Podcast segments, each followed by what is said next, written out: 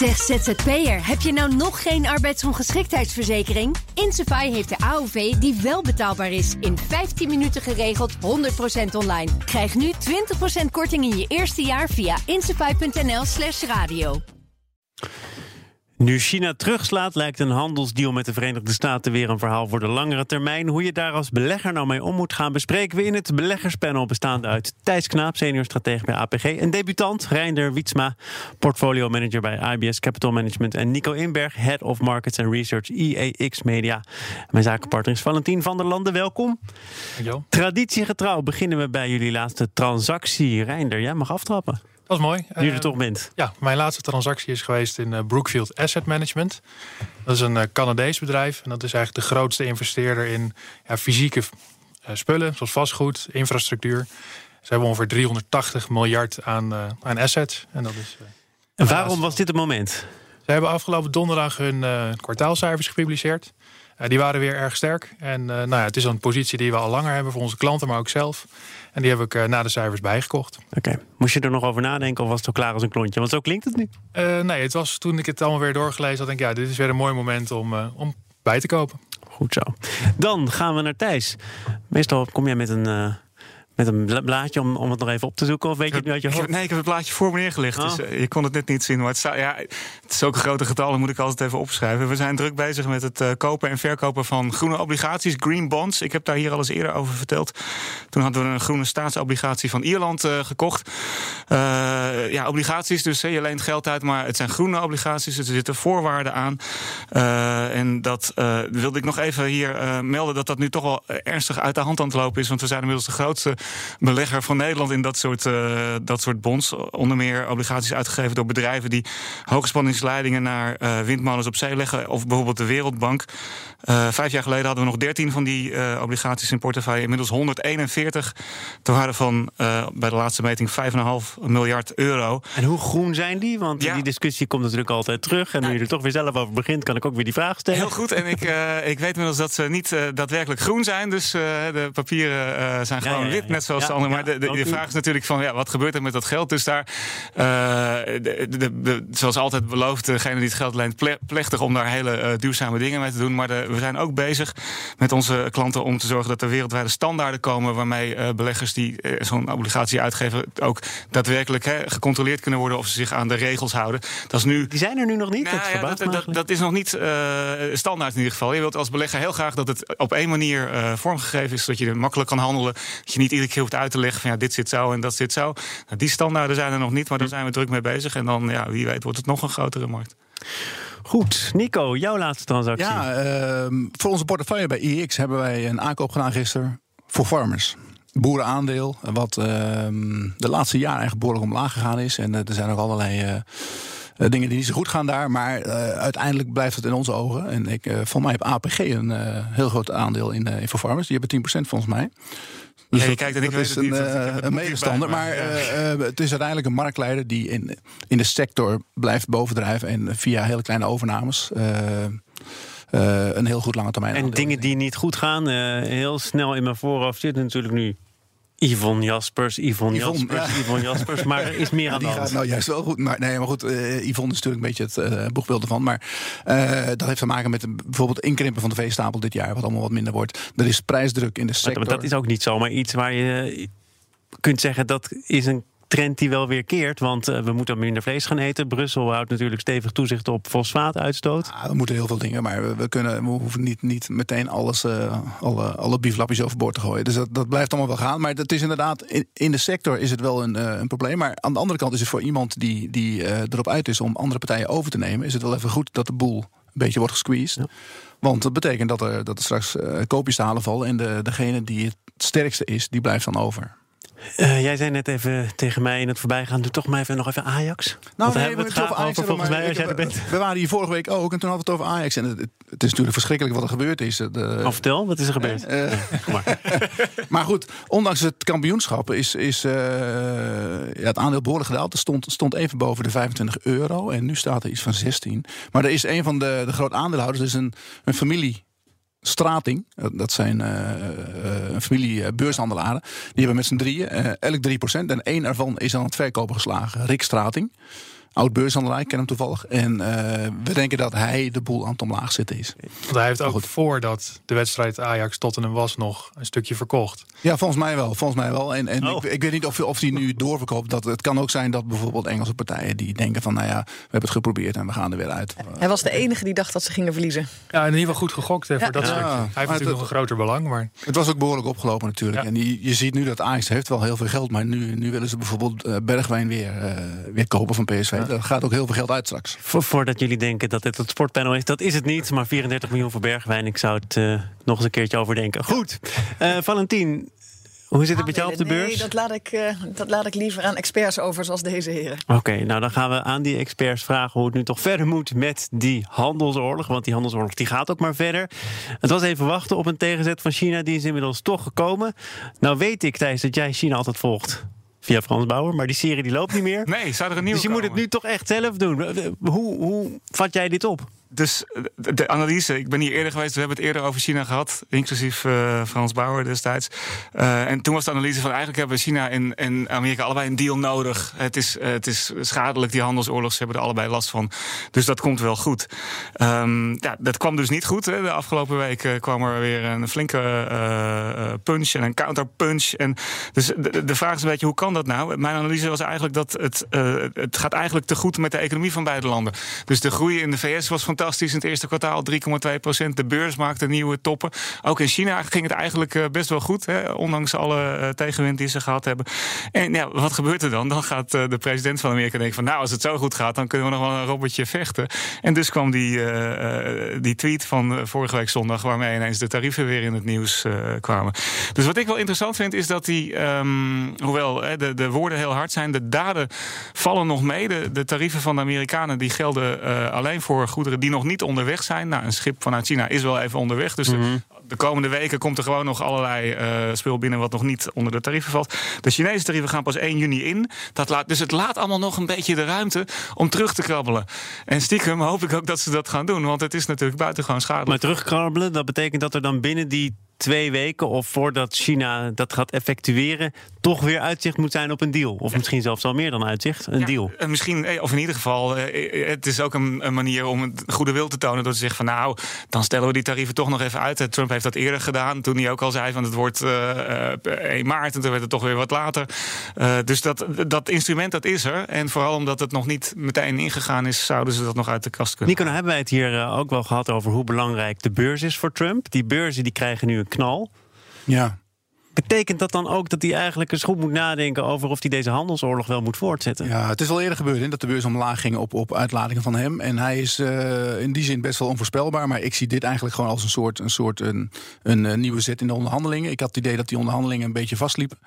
En dat inderdaad wat hij zegt is denk ik terecht dat, dat eh, hij, hij staat heel sterk. Amerika staat heel sterk. Want de Amerikaanse economie doet het als een van de weinigen wereldwijd heel erg goed. Nog steeds. Dus hij kan zich wat ja, veroorloven. En eh, hoopt eigenlijk dat de Chinezen, die toch wel wat, wat eh, behoorlijk last ervan hebben, dat hij hun op de knie krijgt. En is hij inderdaad aan de winnende hand? dat is heel lastig te zeggen natuurlijk. Ehm, Trump heeft, eh, net als de, de Chinezen, een sterke kaart in handen. Hij kan nou ja, die tarieven invoeren. Hij heeft nog een keer 385 miljard waar hij die tarieven over kan invoeren. Ehm, maar de Chinezen laten het ingaan per 1 juni. Dus het is een beetje bluffpoker aan beide kanten. Maar het is heel lastig om nu te zeggen dat, dat een van de twee al gewonnen heeft. Dat, dat zou ik niet zo kunnen zeggen. La- Laten we even kijken naar, eh, naar, naar aandelen. Jullie zijn het beleggerspanel samen. Nou, dreigt China ermee om te zeggen: oké, wij zouden Boeings bestellen? Daar moeten we nog maar eens goed over nadenken. Waarschijnlijk niet. Eh, aandeel Boeing verloor ook behoorlijk. Ja, dat lijkt me dan een direct gevolg van wat er hier gaande is. Moet je die aandelen Boeing even links laten liggen, Thijs? Ja, wat het, het, rare met die handelsoorlog is, is het, het lijkt alsof je bepaalde eh, industrieën, bepaalde bedrijven, zoals je nu ook noemt, eh, duidelijk kan zien als winnaars en verliezers in de handelsoorlog. Maar in de praktijk pakt het altijd weer anders uit. Het staalbedrijven in de VS, het staal was het eerste waarover een tarief eh, geheven werd. Nou, dat zou fantastisch zijn voor de, voor de producenten in, in de VS. Wat zien we het afgelopen jaar? Alle staalbedrijven doen het waardeloos op de beurs door allerlei andere dingen. Maar toch, hè, als je op die manier de handelsoorlog gespeeld had, was het toch weer misgegaan. En ik ben ook een beetje bang voor dit soort hele specifieke ideeën. Dat je zegt van, oh, het is vast eh, dit bedrijf wat er... Ja, we, gaan, we gaan de boeren treffen, we gaan voorzieningen treffen om die boeren te compenseren. Dat zou je dan dus ook niet moeten doen? Nou, die voorzieningen, dat weet ik niet. Maar je bedoelt uh, om, om, om te, short te gaan in de, in de aandelen. Uh, ja. Agricultuur, ja. Ik, dus het probleem is gewoon dat de uh, handel tegenwoordig is een buitengewoon complexe machine. Van het hele lange waardeketens. Daar wordt nu een heel bruut instrument uh, opgezet, tarieven, waarvan eigenlijk niemand weet hoe dat op de langere termijn uitwerkt. er zijn allerlei dingen die niemand overziet, uh, die, die hierdoor het gevolg van zijn. En het is buitengewoon lastig om dan heel slim te opereren en te zeggen: ik ga hier wat kopen en hier wat verkopen. En dan profiteer ik ervan. A, omdat Trump onvoorspelbaar is. Hij kan het morgen weer anders doen. En B, omdat ja, niemand precies het beeld heeft van hoe die economie tegenwoordig werkt? Nou, Eén tweet van Trump en je hele thesis voor Boeing al dan niet wel kopen of nu niet kopen is natuurlijk weer van tafel. Dus uh, moet je niks doen dan? Nou ja, het is heel lastig om daarop te positioneren. Dus als je daar dan een positie in wil innemen, dan maak je jezelf heel lastig, denk ik, om, uh, ja, om er succesvol uit te komen. Ja, ja, wat je nu een beetje ziet op de beurs is dat de, de, er is een beetje een schifting tussen zeg maar, twee soorten aandelen. Je ziet dat de cyclische aandelen heel erg te, te lijden hebben van dit soort uh, acties. En de angst is natuurlijk een beetje dat die hele wereldeconomie, dat als een, een echte handelsoorlog komt of uh, meer tarieven, dat we dan toch wel uh, ja, redelijk snel in een recessie terechtkomen. Waardoor de cyclische aandelen nu al ja, men daar nu al afscheid van neemt. En uh, je ziet het ook in de AX. Hè. Als je kijkt, bijvoorbeeld gisteren zag je de, de, de, de top 8 stijgers. Er waren allemaal Elsevier, Wolters Heineken, DSM. Uh, de grotere bedrijven, ja. veilige aandelen zou ik ja. zeggen. Nou, nou, las ik ook een uh, analyse waarin werd gezegd... ja goed, er is nu een kleine tik op de beurs... maar dat komt helemaal niet door het handelsconflict. Er zijn andere zaken waar beleggers zich veel meer zorgen over maken. Zoals bijvoorbeeld de schuldenberg die oploopt en die oncontroleerbaar wordt. En dan is deze tweet of deze nieuwe ontwikkeling is een reden om, om te acteren. Maar het is niet dat handelsconflict zelf, Thijs. Ja, ja, ja, ik zie je toch een beetje knikken. Ja, dus het, woord, uh, het woord katalysator komt hier uh, weer uh, aandrijven. Hè. Dus het is, het, het, is een beetje een scheikundige term. Maar het idee is van de, de, de, het brouwsel is niet stabiel. Er is iets aan de hand. En dan komt er één ja, katalysator bij. En daardoor ineens ontploft. Ja, die analyse? Die analyse, ja. Dus dat, dat kan je altijd wel dat kan je altijd wel doen. Ik denk toch echt wel dat hier heel duidelijk Trump een, een rol heeft gespeeld. De handelsoorlog is echt niet goed voor aandelen. Hè. Er wordt heel veel kapitaal vernietigd als dit, zo, eh, als dit zo doorgaat. En dat loopt direct in de, in de toekomstige winsten van bedrijven. Dus ik zie hier, in tegenstelling tot meestal, zie ik hier toch wel een duidelijke aanleiding. En we moesten het toch maar eens over Uber hebben. Want ja, de prijs werd al naar beneden bijgesteld. En beleggers zetten die trend na de beursgang nog eens onverminderd voort. De eerste twee handelsdagen gingen in totaal meer dan 15% vanaf. Ja, Reiner, is dat een gênante vertoning? Want het hoort toch eigenlijk andersom te zijn? Die, die koers die moet omhoog schieten de eerste dag. Nou ja, ook als je naar andere IPO's kijkt, dan is het eigenlijk gebruikelijk dat die prijs zeker op de eerste beursdag fors omhoog schiet. Um, Facebook was daarin een negatieve uitzondering, die ging maar een procentje omhoog.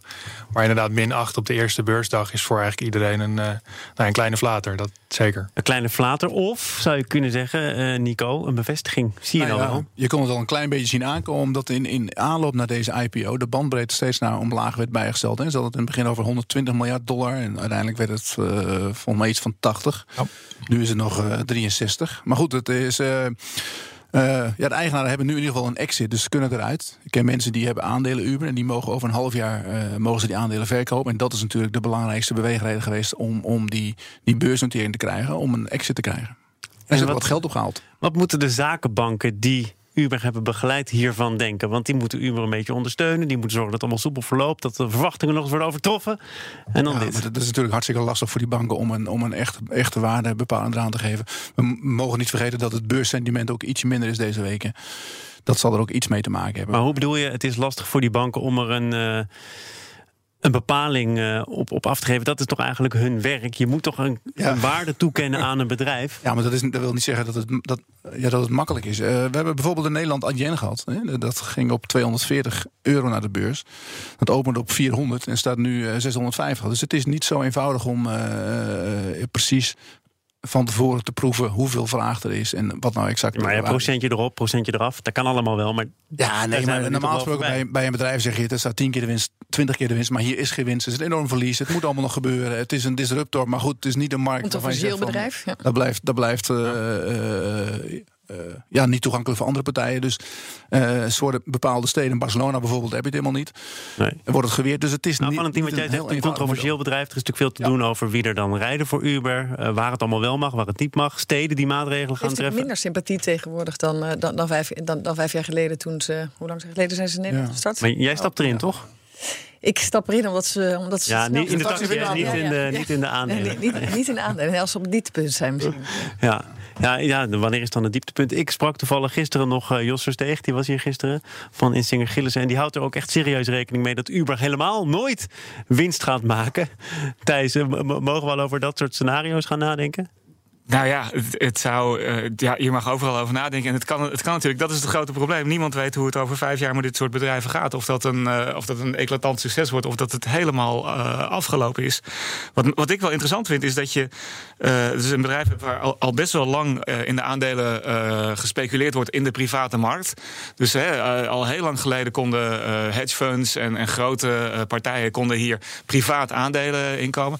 Dus in zekere zin het waren alle optimisten al ingezet Hè. Alle mensen die erin geloofden, die hadden het al gekocht. En nu zie je dan toch wat die, die publieke markten, die bijna een beetje uit beeld geraakt uh, leken in Silicon Valley. Al die bedrijven die willen helemaal niet uh, naar de beurs, dat hoeft er niet. Nou, dan kom je er en dan zie je dat daar toch een heel ander sentiment uh, heerst opeens. Dus dat daar toch mensen zitten die pessimistisch zijn en die short gaan. En maar heeft dat ook te maken met wat Nico net zegt? Ja, het sentiment is ook beursbreed een beetje veranderd? Over Uber of, of überhaupt over de, de vooruitzicht? Nou, je ziet ook, uh, Lyft is ook niet uh, echt enorm omhoog geschoten natuurlijk. Uh, nou, we hebben het net gehad over allerlei bedreigingen die er toch ook weer op ons afkomen. Heeft Uber wat dat betreft ook niet gewoon een beetje pech?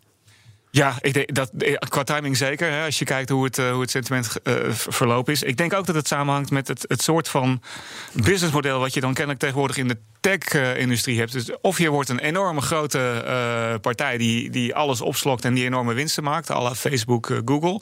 Of je verdwijnt via de zijdeur van het toneel. En er lijkt niet echt een midden, middenweg te zijn. En dan wordt het voor zo'n aandeel natuurlijk ook heel spannend of je inderdaad de, die grote hond blijkt te zijn. Of dat het gewoon ja, een heel klein meisje is. Wat via de achterdeur weer naar buiten. Ja, ja wat weer naar buiten gaat. En, nou, en nu ja, het sentiment rondom Uber gaat op en neer. En ja, het is, het is geen, geen mooi moment geweest. Ja, maar wat voor die zakenbanken natuurlijk ook heel nadelig was... dat twee dagen voor de beursgang Lift met extra slechte kwartaalcijfers kwam.